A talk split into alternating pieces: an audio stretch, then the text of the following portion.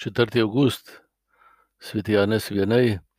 V Birilu pa vidimo Izraelce pred stopom obljubljeno deželo, ko dvomijo, se ne zaupajo, se prepuščajo težavam in oviram, ki jih vidijo, in tako izgubljajo pogum.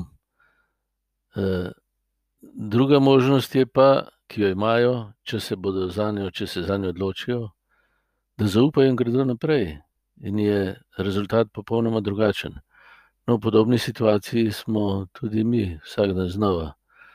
Eh, če se v težavah prepustimo strahu, če mu verjamemo, če se z njim pogovarjamo, eh, potem nas to pokoplje.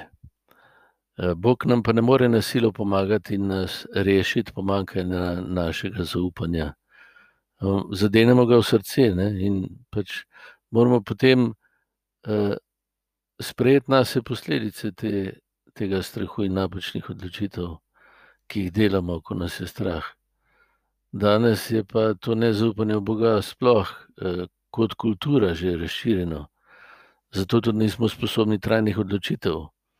Če Bogu ne, zau, ne zaupam, ne morem se zavedati za celo življenje, pa uh, ustrajati v ljubezni.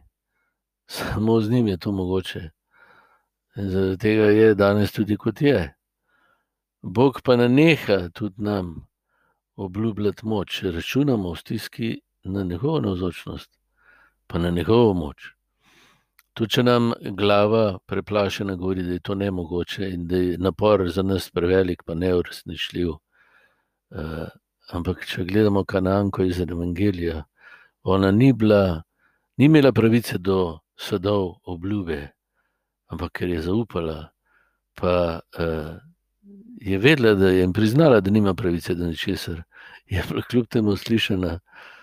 No, podobno arški župnik, ki je prišel v Faro, kjer je bilo se zdelo vse nemogoče. On je sedel v cerkvi in zaupal, in se je zgodilo vse to, kar je zaupal.